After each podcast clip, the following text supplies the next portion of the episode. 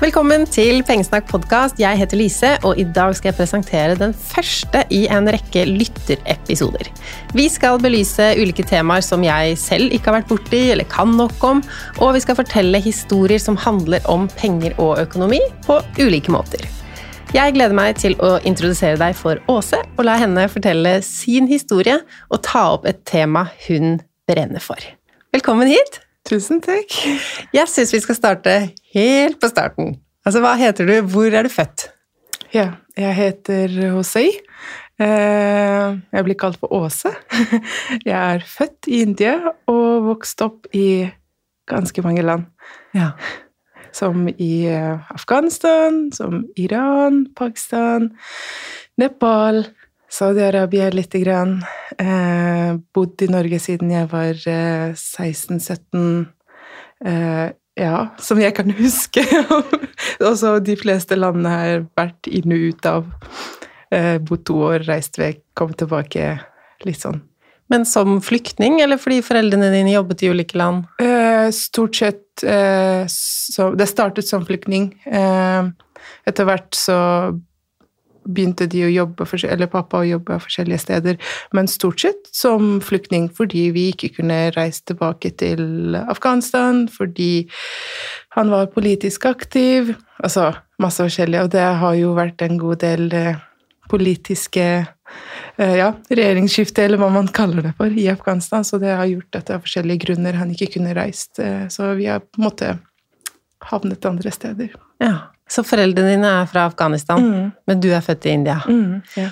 Og hvordan vil du beskrive foreldrene dine sitt forhold til penger? Kanskje stort spørsmål? Veldig stort spørsmål. Eh, dårlig. Enkelt, enkelt sagt. Eh, altså, lite kunnskap. Ingen kontroll. ingen eh, Kanskje Håp er én ting, men ingen, ingen, tillit til pengene. Ja. På hvilken føler, måte da? Jeg føler uh, jeg, jeg, har veldig mye Altså, den relasjonen jeg har bygd til pengene, er veldig sånn Jeg har tillit jeg, jeg, stoler på pengene mine eh, fordi jeg, jeg, selv har laget en trygg base, men det hadde de ikke. Det var sånn eh, Hvis de hadde masse penger, eller når de fikk tak i masse penger, og det kunne komme av forskjellige grunner, enten fordi de solgte et stykke land de eide i hjemlandet, eller eh, pappa gjorde noen tjenester for noen venner fordi han kunne ganske mye om eh, politikk og regler og rutiner. Han var jo tidligere politimann, og sånn, så kunne han få en stor sum av penger og litt sånn forskjellig. Det, det var ikke stabil inntekt, Nei. men de sørget heller ikke for stabil inntekt. Så når de pengene kom eh, av et eller annet sted, så var de kjempeglade. Det var penger kjempe... Åh, penger er det beste de visste om. Alt var bra. Hva kjøpte de da? You name it!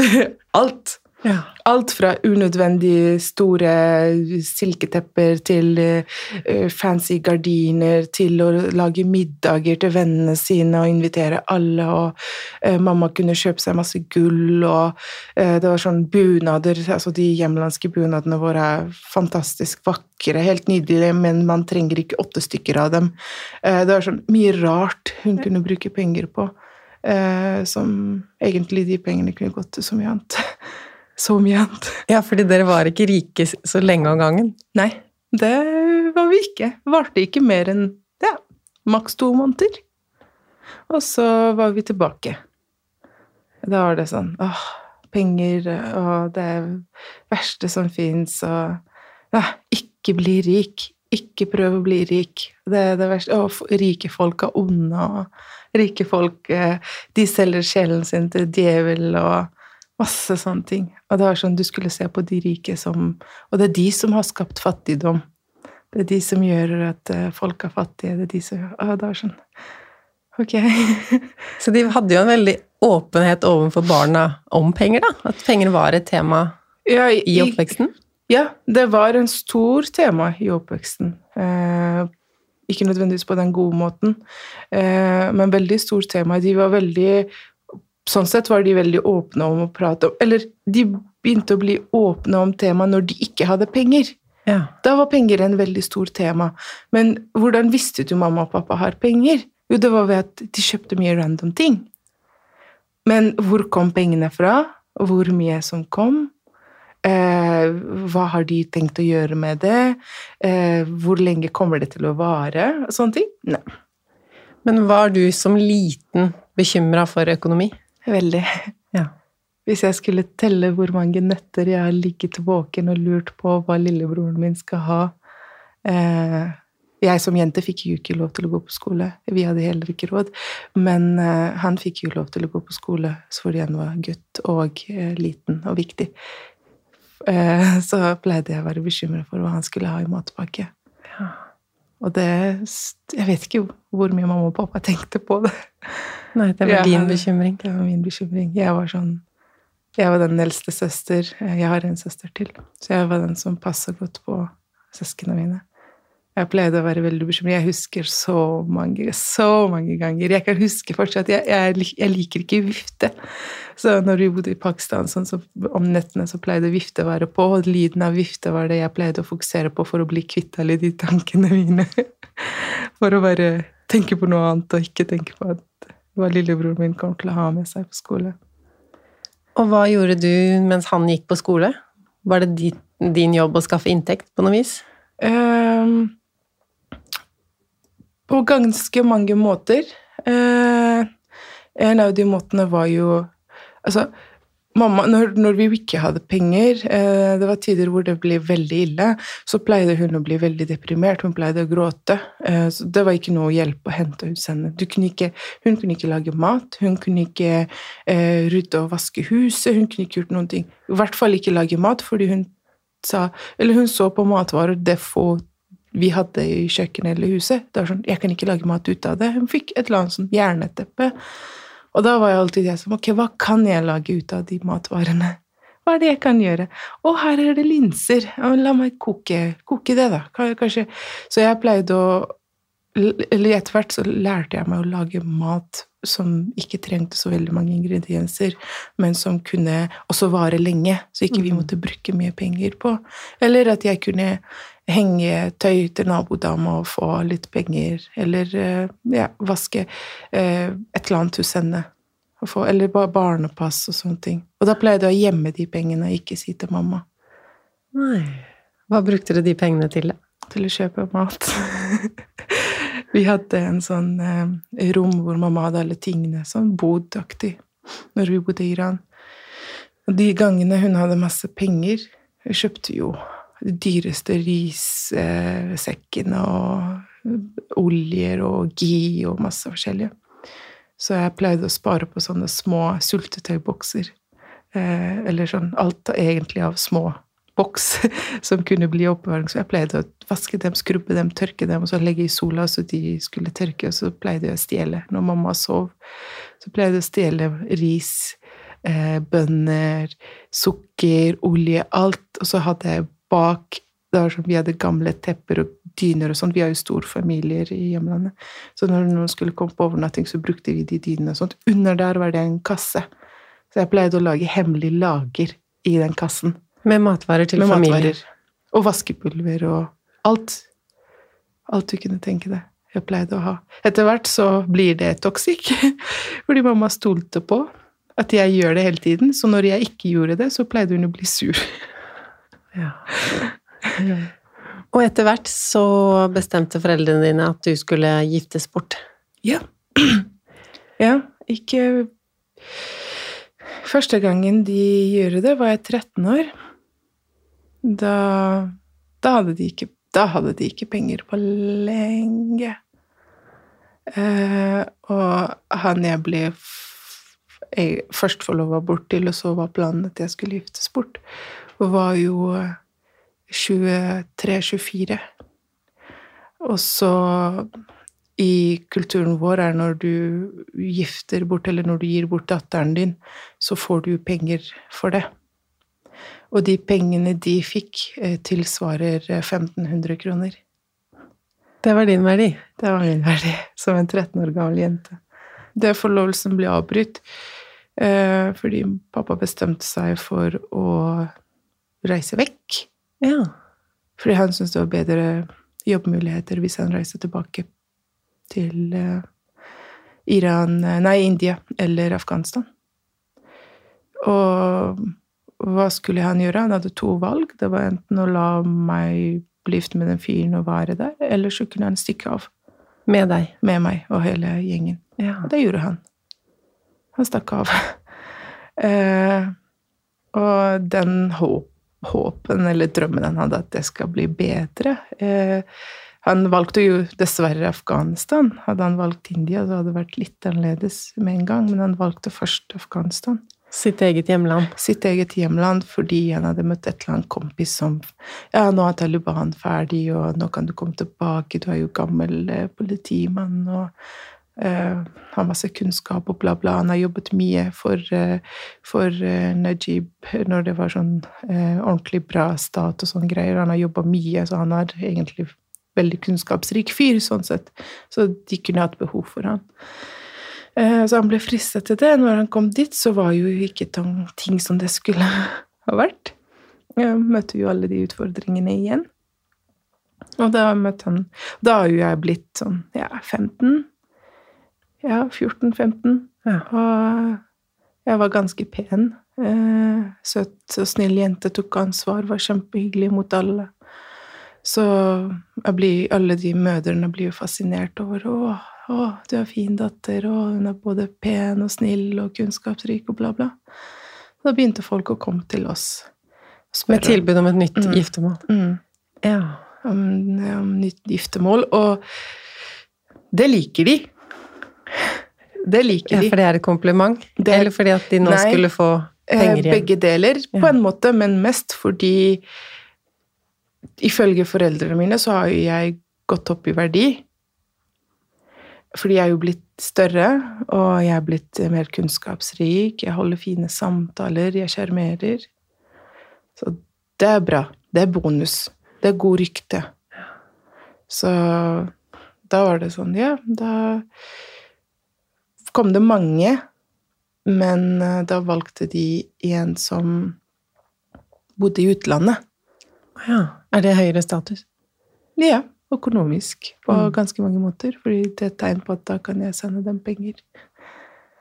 Eh, så valgte de en fyr. Eh, så da jeg spurte hvem det er Eller jeg, jeg, jeg, Det kom jo mange forskjellige folk til oss, og jeg var på rommet og rydde etter at det har nettopp vært gjester.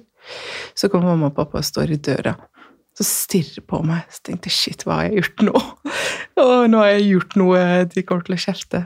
Så, så løper pappa bort mot meg og bare 'Gratulerer, du har blitt forlova!' Og du visste ikke hvem det var på det Nei. tidspunktet? Nei. Visste ikke hvem det var, og Altså, jeg visste ikke det var det de skulle jeg, jeg, hadde jo mine mistanker, men jeg visste ikke de skulle gjøre det så fort etter at vi kom til Afghanistan. Så jeg er sånn Ja, ok. Mm, det blir bra. Takk ja. for beskjeden.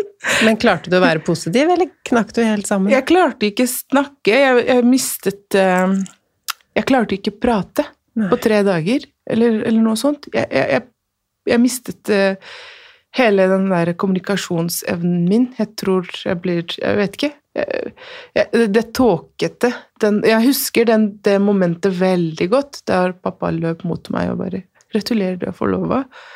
Det var litt sånn wow. Det husker jeg fortsatt. Men jeg husker ikke så veldig mye etter det. Jeg husker masse sånne at det kom folk, og det var masse seremonier som jeg måtte være med. Jeg måtte smile og liksom vise at jeg er glad og fornøyd og sånt.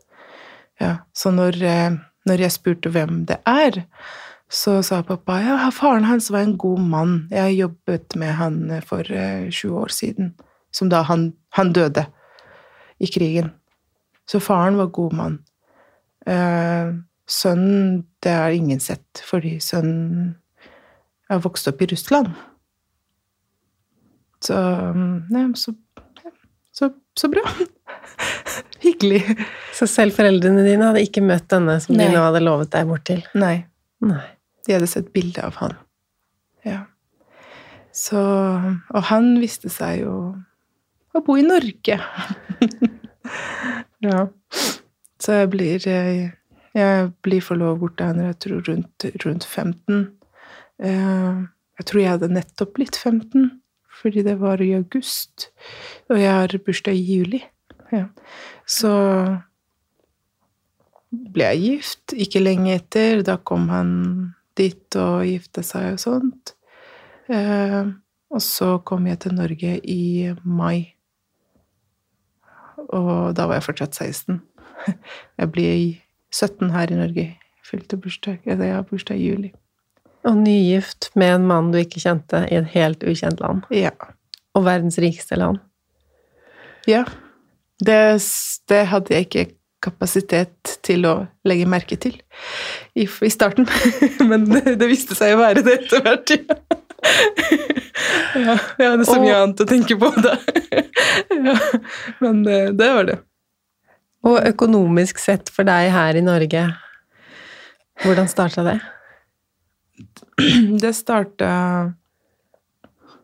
ikke noe bedre. Eh, det starta med at eh, jeg fant ut at han eh, røyker veldig mye hasj og har alkoholproblemer. Stort sett av pengene hans går til det. Og han er veldig glad for å ha meg her, fordi det er noe som heter introduksjonsprogram når du kommer til Norge som flyktning eller som familiegjenforening. Så går du på det programmet i to år, Meningen med det programmet er at du skal kunne lære deg arbeidslivet og komme ut i arbeid. Og forberedelse, eh, på en måte, eh, i to år. Og da får du praksisplass, og du drar på skole samtidig som du lærer norsk, og du lærer masse annet. Veldig fin ting. Veldig, veldig fint program. Eh, men da får du også lønn. Det er ikke så veldig høyt lønn, men det er nok til at du skal klare deg fra A til B. I hvert fall hvis du bor med noen og ikke har store boutgifter. Um, og det fikk jeg. Uh, det så jeg aldri til. Nei. Det gikk rett til han. Uh, han hadde laga bankkonto og alt, og så hadde han kortene mine og alt, egentlig. Alt hadde han styr på. Eh, da fikk han sin egen lønn og fikk min inntekt. Og når jeg spurte om penger og sånt, så pleide han å si ja, det er jeg som forsørger deg, så er jeg som kan gi deg penger. Da fikk jeg 100 kroner i uken for å kjøpe sånn eh, kort på butikken, på sånn altså Asia-butikk eller sånn innvandrerbutikk, og ringe familien min en gang i uken. Ja. Eller jeg fikk 100 kroner, og det kunne jeg gjøre hva jeg vil med det i uken. Ja. Eh, men jeg pleide å bruke det til å ringe, familien. Ja. Og da hadde jeg, på det 100-kronerskortet hadde jeg 60 minutter, så jeg kunne ringe på, til dem. Så det var min første møte med penger i verdens rikeste land. Oi. Heftige greier, alt dette her, altså. Og så går det ikke lang tid før du får barn? Nei, det, det gjør ikke det. Jeg ble gravid. Eller jeg prøvde å Jeg ville ikke ha barn fordi jeg tenkte eh, Jeg vil ikke ha barn når jeg ikke har penger. Jeg var ganske ung, men jeg visste hva det innebærer hvordan det er å ikke ha penger og ha barn. Eh, så sa jeg til moren min ja, men jeg har lyst til å studere, jeg har så lyst til å bli sykepleier. Eh, og læreren min har sagt at det er mulig for meg.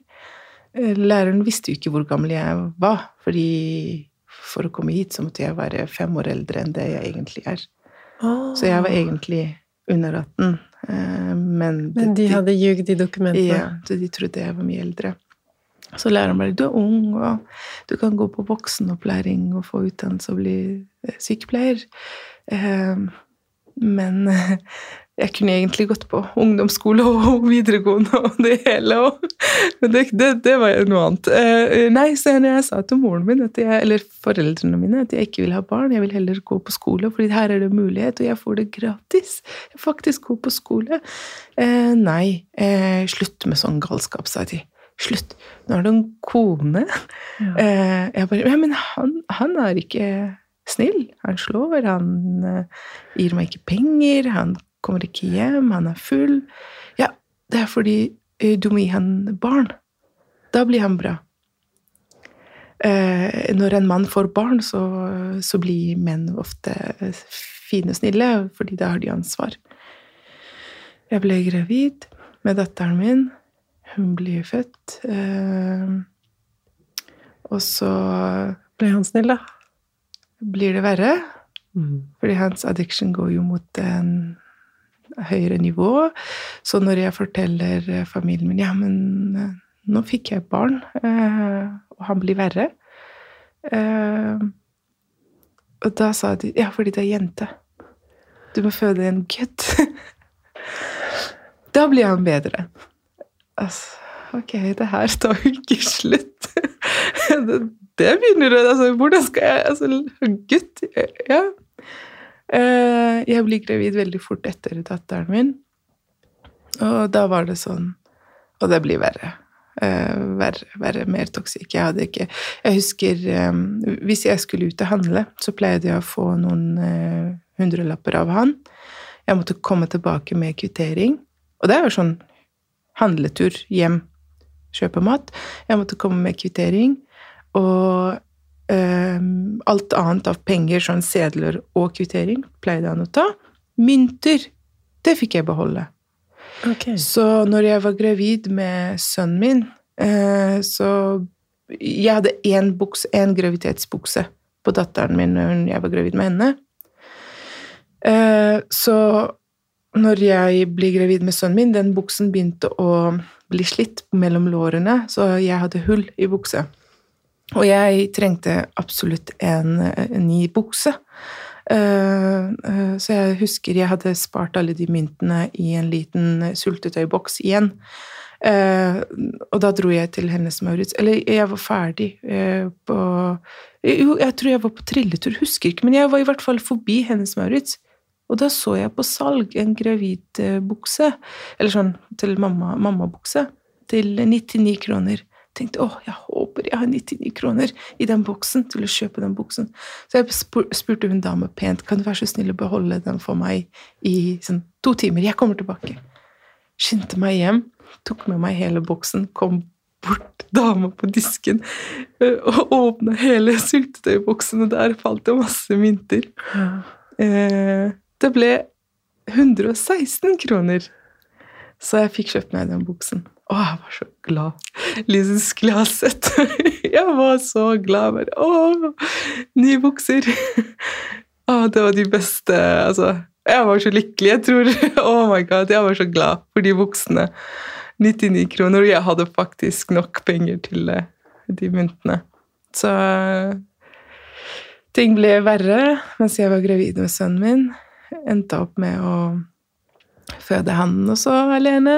Eh, og så blir jeg eh, tatt vekk fra han eh, fordi fastleger og sånn fant ut at han hadde slått meg ganske mye, og, og ikke at jeg hadde bare falt på isen. ja, så jeg flytta ut.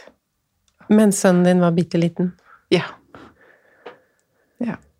Prosessen starta før jeg fødte han, men ordentlig når jeg var i egen leilighet og ordentlig flytta ut, så var han bare noen få uker gammel. Ja. Mm. Så, så da var du i tillegg alenemor? Ja. 19 år. Eller før. Han er jo født i april, så jeg fylte jo 19 i juli året samme år. Da var jeg eh, snart 19 og to barn og alenemor. Og hvordan bodde du da? Um, jeg fikk uh, Eller uh, prosessen uh, med å gå fra han var ikke enkelt. Det er jo ikke lov å skille seg i vår kultur. Så jeg måtte igjen bruke penger. ved å si til han å, jeg kan, jeg kan få leilighet og bo med barna. Du tåler jo ikke at de gråter eller hjelper til og sånn. Da kan jeg få leilighet hvor jeg kan bo der, og, og staten betaler. Så alt som blir ekstra penger til meg når de betaler til barn og sånn, så kan du få de. Og du kan også leie ut leiligheten din eh, til noen andre å bo med. Da får du også inn penger. Og det syns jeg han var jo kjempegod idé. Og det var jeg ærlig med, med politi og barnevern og alle sammen. Og de ok, hvis det funker, så gjør du det. Eh, så sånn var det han lot meg Gå. gå, da. Og da fikk jeg jo Da måtte jeg søke om separasjon, og måtte jeg flytte ut. På den måten. Ellers hadde han ikke latt meg gå. Nei. Det, det er jo ikke mulig. Og foreldrene dine? Eh, de de klikka jo helt i vinkel. Eh, selvfølgelig. Eh, tok et år, for de, de pratet jo ikke med meg, og sånn, for jeg hadde jo bringet skam på hele slekta. Jeg er eldste datter, og hvordan, hvordan kunne du gjøre noe sånt mot oss? Tenk, hva, hva, hva, tenker du, og hvem tror du du er? Masse sånn at jeg måtte skamme meg, fordi det, det var noe veldig forferdelig jeg hadde gjort. Etter ca. et år så begynte moren min å ringe meg. Og da var det sånn ja, Vi hørte fra noen andre at han var forferdelig fyr. Ja, det er bra. Det stemmer. bra. Jeg prøvde å si det i to-tre år, men det er bra, nå vet dere det. Men det er mye enklere når det kommer fra noen andre som bekrefter det, fordi da er skammen mindre på dem. Mm. Da er det mindre min skyld. Eller jeg, min valg. Mm. Og så begynte du å bygge opp ditt helt egne liv med barna dine. Ja. Mm. Og så begynte jeg å bygge opp mitt eget liv med barna mine og starte på en ny helvete. Det var, Ok. Mhm.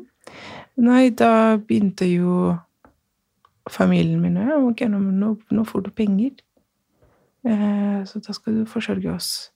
I tillegg til du forsørger dine to og er alenemor. Eh, jeg har noe som heter klasehodepine. Det er sånn sjelden hodepine, men veldig intens Med anfall. med anfall. Mm.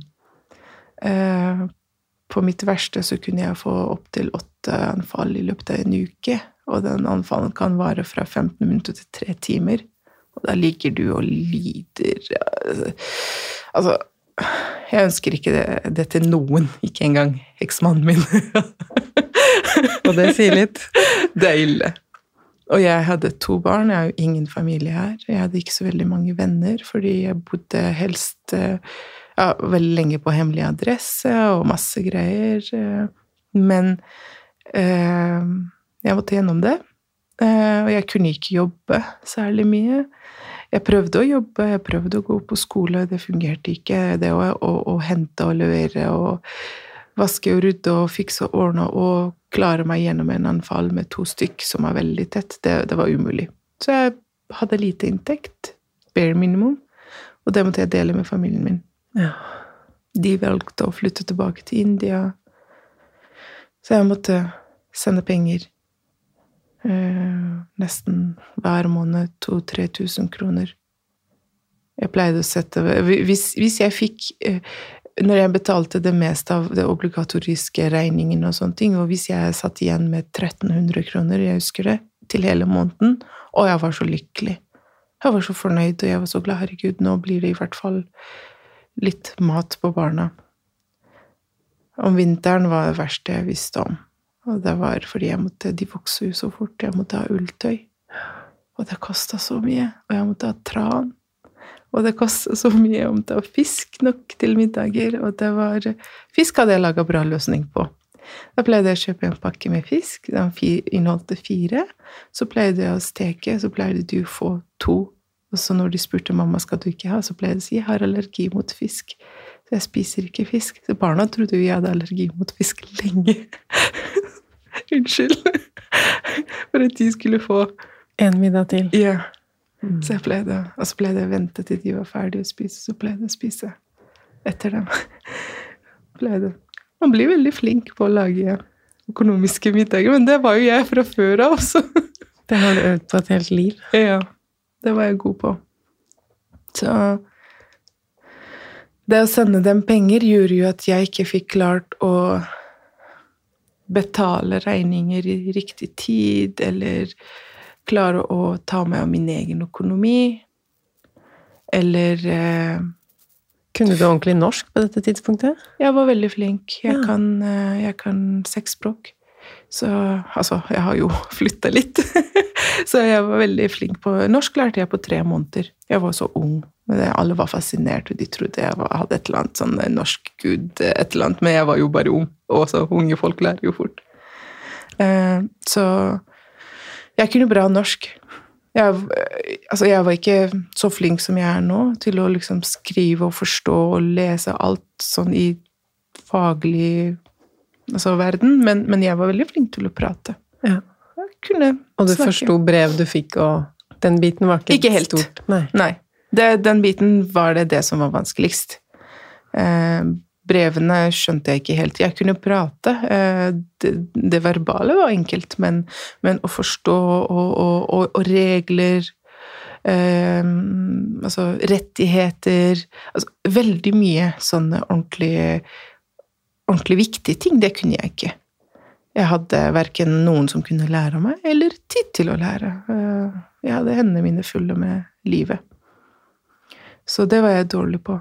Men det gjorde at eh, både mangel på kunnskap og eh, veiledning og støtte og det med at jeg sendte så mye penger hele tiden til familien, gjorde at jeg endte opp med masse gjeld.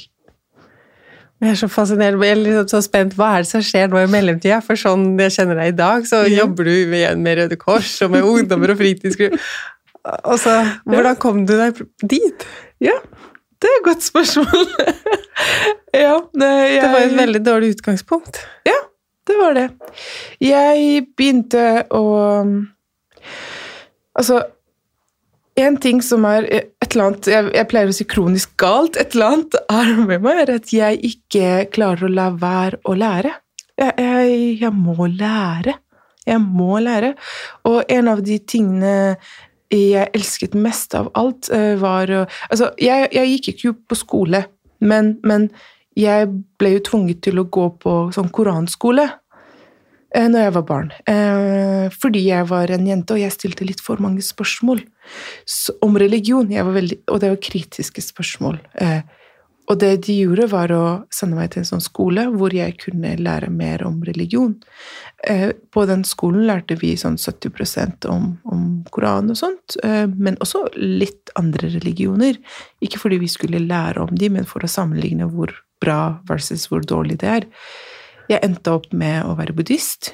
Eh, og, og, og jeg lærte jo Koranen der på den skolen, men alfabetene i, i, i arabisk er jo det samme som persisk. Og, og de andre språkene jeg kan. Eh, eller noen av de andre språkene. Og jeg lærte å lese. Så jeg tenkte ok, hvis jeg tar de bokstavene og bruker det til å lese andre bøker, det gir jo mening. Jeg kan jo språkene, så jeg kan jo begynne å lese. Jeg starta litt sånn dårlig, kunne ikke alle ordene, men jeg ga ikke opp, så jeg begynte å lese. Ja, da kom jeg bort til persiske bøker. Kom bort til poesi, historie og eh, egentlig alt. Ga du meg en persisk bok, det kunne inneholde om hvordan pakke søppeldunken og sette det ute. Altså, jeg hadde blitt glad jeg leste det.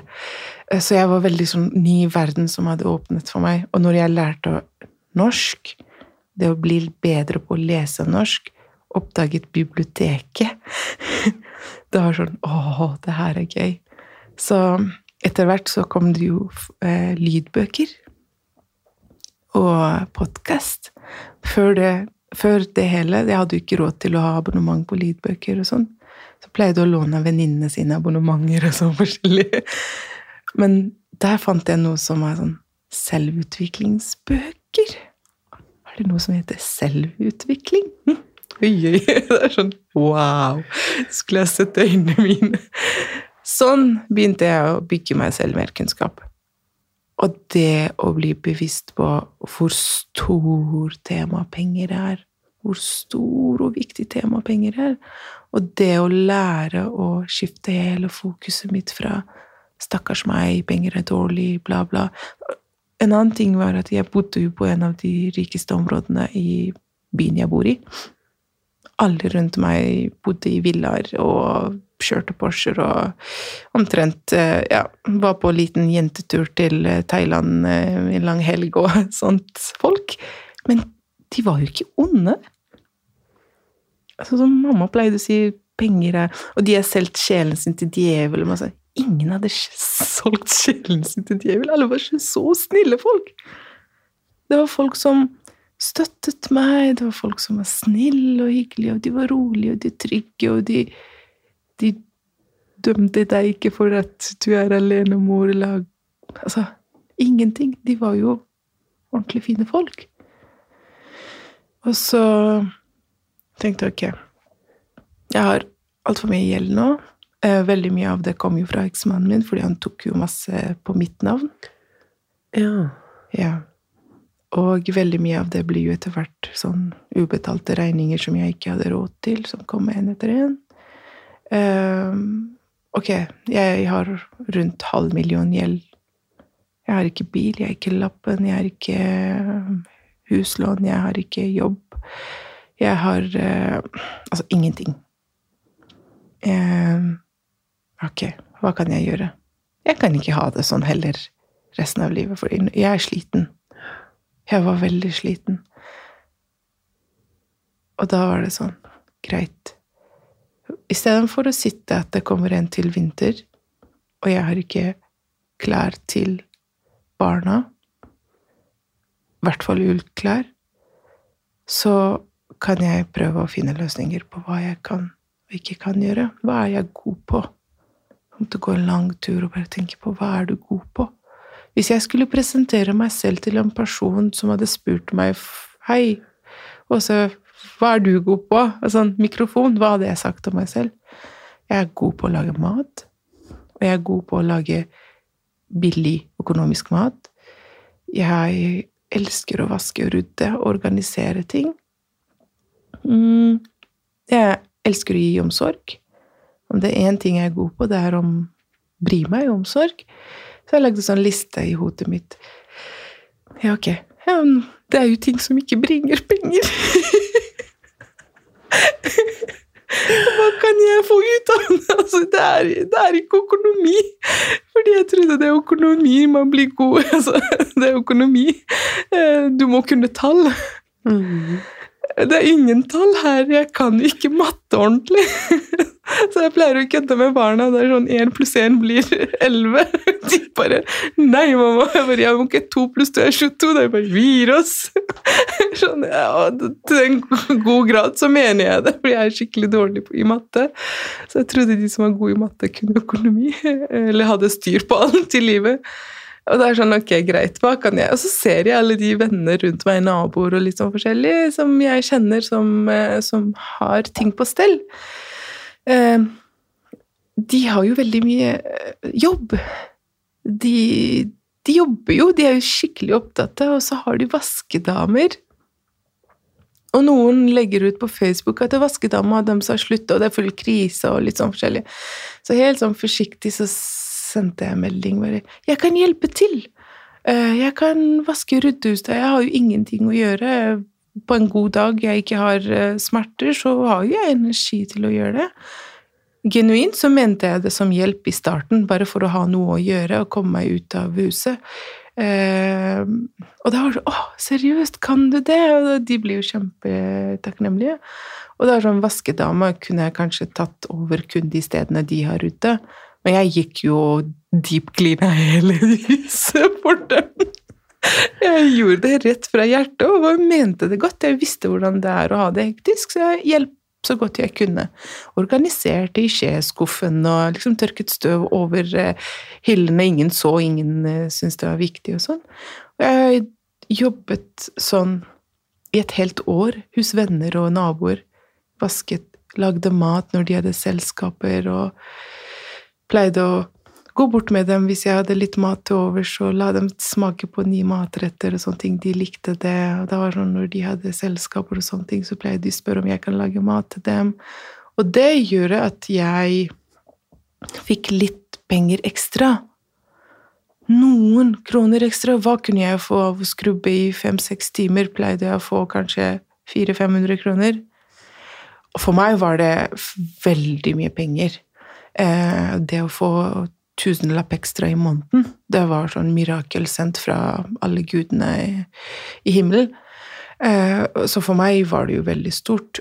Og det var en sånn liten førsmak på hvordan, hvordan det føles å ha det fint med penger. Eller hvordan føles det å ikke måtte konstant stresse på Oi, to kroner mindre her, det kommer til å ha stor konsekvens. Så jeg lærte det å kunne ha to inntekter, og ikke relay on just one. Ja. Det var et sånn der bitte lite sånn der lys i tunnelet jeg så. Uh, etter hvert så begynte jeg å jobbe som frivillig på Røde Kors. Igjen med mat. Eh, de hadde jo åpna en ny sånn kafé til kvinner som skulle komme seg litt ut av huset, bli litt sosiale, lære litt om arbeid og sånt. Jeg stakk innom og spurte om de trengte noe frivillig der. Ja, det gjorde de. De trengte en som kunne være teamleder i den kafeen. Jeg har aldri jobbet i en kafé, heller ikke vært noen teamleder. Så jeg bare Ok, greit. Hva er det jeg må gjøre? Jeg må lage mat og holde samtaler og liksom holde styr på de damene som er der, og hjelpe dem og veilede dem. Jeg kunne norsk. De fleste av dem hadde bodd her lenger enn meg. Eh, men de kunne ikke snakke fordi de, de kom seg aldri ut av huset. Mm. Og jeg tok vare på dem. Jeg lærte masse, eh, utviklet masse. Blir Altså fikk god hjelp av eh, en Jeg hadde en leder der som het Line. Jeg fikk masse veiledning av henne og liksom lærte meg det meste man kunne lære en person om akkurat den oppgaven jeg hadde der og da, og støttet og liksom satt pris på kunnskapen min, på historien min, så meg. Og det ga meg masse motivasjon. da, sånn, ok, greit, jeg vil dette. Jeg vil det her. Jeg vil Jeg tjener ingenting på det nå. Jeg er frivillig. Men det jeg gir, det føles godt. Og det skal jeg fortsette med. Og den, på, på, den kafeen der så måtte du kunne litt økonomi. Eh, ja, vi solgte mat, ikke til så veldig dyre priser, men det skulle være en form for økonomi der.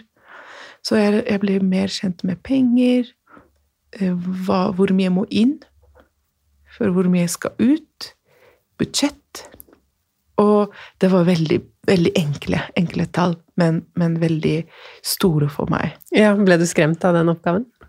Mer fascinert og, og, og, og gledet meg. Selvfølgelig nervøs. Jeg var jo redd for at eh, Det var en gang jeg telte penger, og det mangla 80 kroner. Jeg var livredd for at jeg hadde gjort noe feil. men det var bare Det var riktig. Det var bare jeg som hadde ikke skjønt helt. Så men det lærte meg mye. Eh, jeg var nervøs, men jeg lærte meg mye.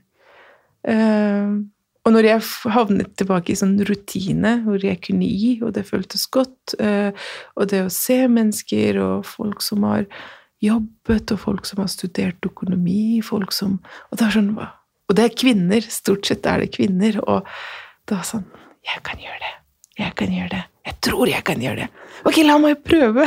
Ikke sikkert, men jeg kan prøve. Jeg kan prøve. Og det gjorde jeg. Og i den, det mellomrommet mens jeg holder på å være frivillig og drive med alle disse tingene, så har jeg nå begynt å tjene ganske ok med penger. At jeg kan tjene faktisk opptil 4000 kroner i måneden av å vaske hus folk eh, og lage middager. Og i ny og ne lage noen kaker. Bursdagskaker og sånt. Uh, og det liker folk. De deler med hverandre, og det kommer mer folk. og de vil ha mat, de vil jeg skal lage kake og sånt. Det er ikke sånne store selskaper, men la oss si en familiesøndag, søndagsmiddag på uh, ja, lite familie, eller bursdagskake som skal i barnehage, eller noe sånt. Uh, ja egentlig sånn. Jeg vet ikke hva du spurte for veldig lenge siden! men, men, men ja, egentlig, hvordan, hvordan du kom hit. deg da til å Nå du ja. jobber og ja. virker så Nå har du kontroll på ting! og har liksom en sånn eh, At økonomien også er noe som gir deg noe, da. Det er ikke bare noe Nei. negativt lenger. Nei, det er eh, en av de tingene som gjør meg glad. Jeg eh, elsker økonomi. Jeg elsker det. Det er en av de fineste tingene. Penger eh, skap... Altså, penger er ikke onde. Altså, penger er trygghet. Penger er glede. Penger kan faktisk kjøpe deg lykke. Kommer an på hvordan du ser det. Altså, jeg føler ikke jeg, jeg, vil ikke snakke om de veldig, veldig veldig store, store gutta der ute som eier alle de pengene i verden, men uh, selv de, altså selv de uh, jeg, jeg, føler penger jeg, Hvis jeg hadde hatt millioner, altså en person som meg Jeg hadde ikke kjøpt meg en yacht og en villa og, og, og bare ligget der og eh, fått druer i munnen og liksom blitt viftet av henne palmetreblad. Altså, jeg hadde jo skapt jobber. Jeg hadde jo gitt pengene mine eh, oppgave. Gode oppgaver. Ja. ja. Jeg hadde jo skapt eh, mat på bordet til flere. Jeg hadde jo funnet åsene der ute. Jeg hadde jo styrket dem. Og det er lykke for meg. Så jeg elsker penger. Jeg pleier å si det høyt. Hvis jeg møter en ny mann, så bare hva, hva, hva, liker du å gjøre? Hva gjør du? Jeg, bare, jeg elsker penger! Og de blir jo helt skremt. De tenker jo 'hva skjer?' ja, du gjør det, ja! Ja! Faktisk så elsker jeg penger. Det beste jeg vet om. Men de skjønner ikke hva jeg mener med at jeg er ikke sånn som hele historien. Ja. Jeg kjøper meg ikke vesker og bruker flere hundre kroner på negler og vipper og sånn. Det gjør jeg ikke. Det er lov, det òg, men, men ja, altså Penger, det, det, skaper muligheter. Det er trygghet. Og det er en verktøy. Det har eksistert i Hvis du går tilbake til å lese historien Bøkene og historien vår og alt Altså, det har eksistert i økonomi. En av de største basene i, i, i livene våre. Som alt annet eh, fortsatt er det ingen som Bortsett fra det er jo en god del andre gode mennesker, så er det veldig få som snakker åpent om det. Mm. Det sliter jeg med. Og nå jobber du med Røde Kors, men ikke lenger som frivillig? Nei. Men som ansatt? Ja, som ansatt. Samme sted, samme hus. Eh, bare som ansatt. Eh, jeg jobber med barn og ungdom, stort sett ungdom, eh, i alder ja, 15 til 25 år. Stort sett Altså de jeg jobber mest med, er fra 15 til 20-21. Og så har du fortalt meg at det er noe som gjør deg litt frustrert eller trist, som ja. du møter altså i møte med disse ungdommene. Det stemmer. Det gjør det. Gjør, det, gjør det. Jeg, jeg blir veldig lei meg fordi jeg ser barn uh, som er vokst Altså født i Norge. Uh, de er vokst opp her til den alderen jeg møter dem, så lenge jeg altså de, Det eneste stedet de kjenner til, er Norge. Ja, men de har eh, innvandrerbakgrunn? Bakgrunn. Ja. Uh, ja, det har de. Men man skulle tro de kan alt. Ja. De er jo kjempeflinke på språk. De kan jo snakke perfekt norsk. Mye bedre enn uh, jeg som prøver å altså, de, de, de, kan, altså, de er norske barn, hvis du ser på dem. Men det er de ikke. Når det gjelder økonomi og penger. Ja. Mm. Når det gjelder kunnskap, når det gjelder penger, når det gjelder økonomi, når det gjelder mål for framtiden, når det gjelder trygghet på seg selv og det å kunne sikte høyere, det å kunne studere noe stort, det å kunne bli noe stort. Sparing, hva er det? eh, ferier det, altså, det, det, er så fjernt for dem. Fordi de har ikke nok penger. De vet ikke De vet ikke de basic kunnskapene som altså, alle barn burde vite, alle ungdom burde vite. Eh, som jeg tror veldig mange av norske barn blir lært opp fra tidlig alder. Det er sånn Vil du ha vil du ha den PC-en eller den eh, vesken eller den skoen eller hva enn det måtte være? Ja, da må du ta ut søpla, ta oppvask. Det er sånn den derre inn og ut eh, De lærer Altså, du må gjøre noe for å få noe. Og når jeg har sett du har gjort noe, resultat og så belønning, hvordan, hvordan man beskriver det med min dårlige norsk, men jeg føler Jeg har jeg har jo sett også barn fra veldig tidlig alder i Norge. Det er sånn de får penger i gave eller, eller dåpsgave eller et eller annet, så det blir spart. De har en konto. Det kan være alt fra store sum til bitte små til 2000-3000 kroner. Det blir spart. Og det er en Hver en ungdom jeg har møtt som har venner til barna mine. Alle har enten en fond de har blitt spart, eller fått en konto i gave, eller Ikke at alle er veldig rike, men alle har en eller annen form for forståelse for hva en fond er. Hva det er å spare og ikke bruke alle de pengene du har med en gang, er. Hva det er å Du må jobbe for å få noe, eh, og at pengene kommer ikke fra himmelen, eller du ikke kan bruke alt på en gang. Eh, men det har ikke de ungdommene jeg jobber med. Det har de ikke. De kan De får stipend som de ikke har eh, fått på flere måneder, og så har det samlet seg opp. De kan plutselig få 15 000-16 000 kroner, og det er sånn 16-17-åringer. Ja, kommer de 'Å, se, jeg har fått masse penger!' Oi, går rundt og viser til hverandre. En uke senere blakk. Ja, hva gjorde du med pengene? Uh, ja, jeg brukte dem opp. Jeg kjøpte litt klær. Mm, du gjorde det, ja. Lappen, øvelseskjøring, spare til det? Nei, veldig få. Veldig få. Ut av Altså, fra ti er det kanskje to stykk som, som Har kan tenkt på det. Ja. Mm. deltidsjobb ved siden av skole. Mm, det begynner jeg å mase på skikkelig. Det momentet de fyller 16 år, så er jeg liksom klegg på dem. Bare CV, CV, søknad, om du søker, om søker. Veldig få som har det. Det å søke på studier som er litt krevende nå, som er litt vanskeligere nå, men som kan gi deg bra eh, framtid senere, eh, det gjør ikke de.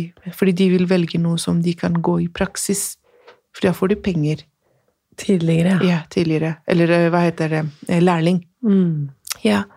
Eh, Fordi de har så stor behov for å få inn penger, men de pengene som kommer inn, de forsvinner jo før de har kommet inn.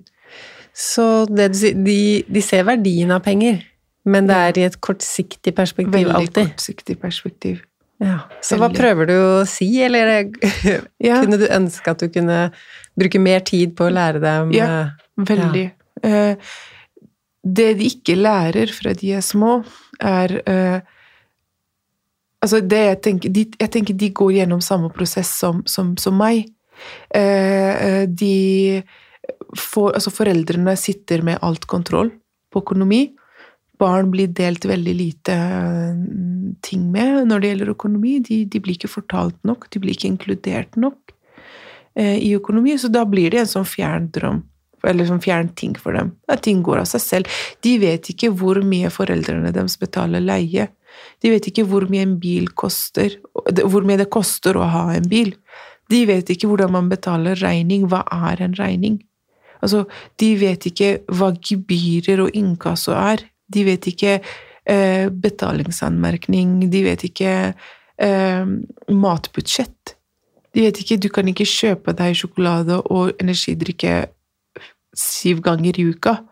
Eh, altså, klær det, det er bare, De tror det er et langt knapp, og så trykker du på, og så skjer det ting. Fordi foreldrene har gjort det sånn. De tar seg av alt, og så skal Nei, du skal ikke bry deg. Nei, du skal ikke snakke om det. Nei, du skal For penger er en voksen ting Det en i mange ting. kulturer. Mhm. Ja. Og barn har jo veldig ofte ikke rett til å si sine meninger, fordi det er disrespect mot eh, voksne, De eldre. de eldre. Så det sliter jeg med. At, øh, og det påvirker jo dem senere, ikke sant? når de blir litt større. Og så havner de veldig ofte i norske miljøer med ungdom som har alt på stell. Du ser jo, det, det kommer jo ungdom inn til meg som er Begge to går i samme klasse. En er øh, et eller annet, la oss si fra Afghanistan, og den andre er norsk ungdom. Eh, begge to er 16. Den ene det er øvelseskjører og stiller meg spørsmål på hva, hva teorispørsmål, og fordi har allerede begynt å lese til det. Den andre bare åh, driver du med disse kjedelige tingene? Du er jo ikke 18, hvorfor skal du drive med det? Ja, fordi det, det er ikke engang en tema. Det er ikke engang Hun har jo spart alle pengene sine til å ta trafikalt-grunnkurs og masse forskjellig. Eh, Hvis du spør hun andre, så Hæ? Hva? Det, det påvirker så mye. Veldig mange av ungdommene som kommer inn som ikke er øh, innvandrerbakgrunn, Eh, de tar studiespesialisering, eksempel. Det er sånne små detaljer som ikke nødvendigvis man legger merke til der og da har noe med penger å gjøre, men det har mye med penger å gjøre i, i, i det store bildet. Fremtidsutsiktene. Veldig. Men hva gjør du med dine egne barn, da? Har du tatt ja. liksom eh, bevisste valg? For ja, hvor gamle er dine barn nå? Veldig bevisste valg. Min uh, eldste, hun uh, blir uh, Eller hun er 15, blir snart 16, og minste blir snart 15 og er 14 nå.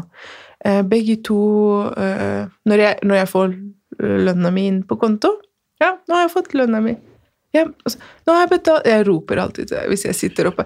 Nå har jeg betalt husleie. Gjett hvor mye vi fikk på strømregning. Ja, så, så, gjetter de. Nei, denne måneden har vi faktisk vært flinke. Det fikk så og så mye. Ja, eh, ok, nå, nå, denne måneden har jeg det og det regning. Da må dere velge eh, om vi skal Ja, altså alt. Alt sammen. En gang i måneden har vi 800 kroner til å spise mat ute. Og det er ikke must, det er hvis vi vil. Det er budsjettet vårt.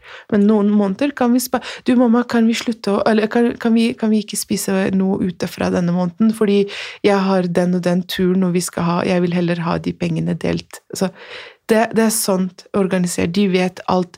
De vet at hvis de vil se Disney Plus og Netflix, så må de si opp HBO en annen, skjønner du? Ja. De vet at de må og, og, og, hun som er 15, hun har allerede jobb. Hun, har, hun søker jobber, hun, har allerede, hun er frivillig. De ser De har passet kattene til naboene i gata i området siden de var åtte år gamle. Eh, tjent egne penger. Det er sjelden de spør meg om penger. Og de vet at de pengene som skal inn, skal holde lenge. Og når det gjelder studiet, det med fremtid og sånn, så vet begge to veldig godt eh, at eh, hvis de vil velge noe stort, så kan de det. Det er heller bedre å gå gjennom en lang prosess og være fattig student. Det er veldig vanlig å være fattig student, har de også forstått. Og heller studere noe som kan gi dem noe bra tilbake i lengre tid i fremtiden. Så begge to har eh, allerede satt ganske mange sånn mål som de prøver å oppnå. Det er veldig åpent om økonomi.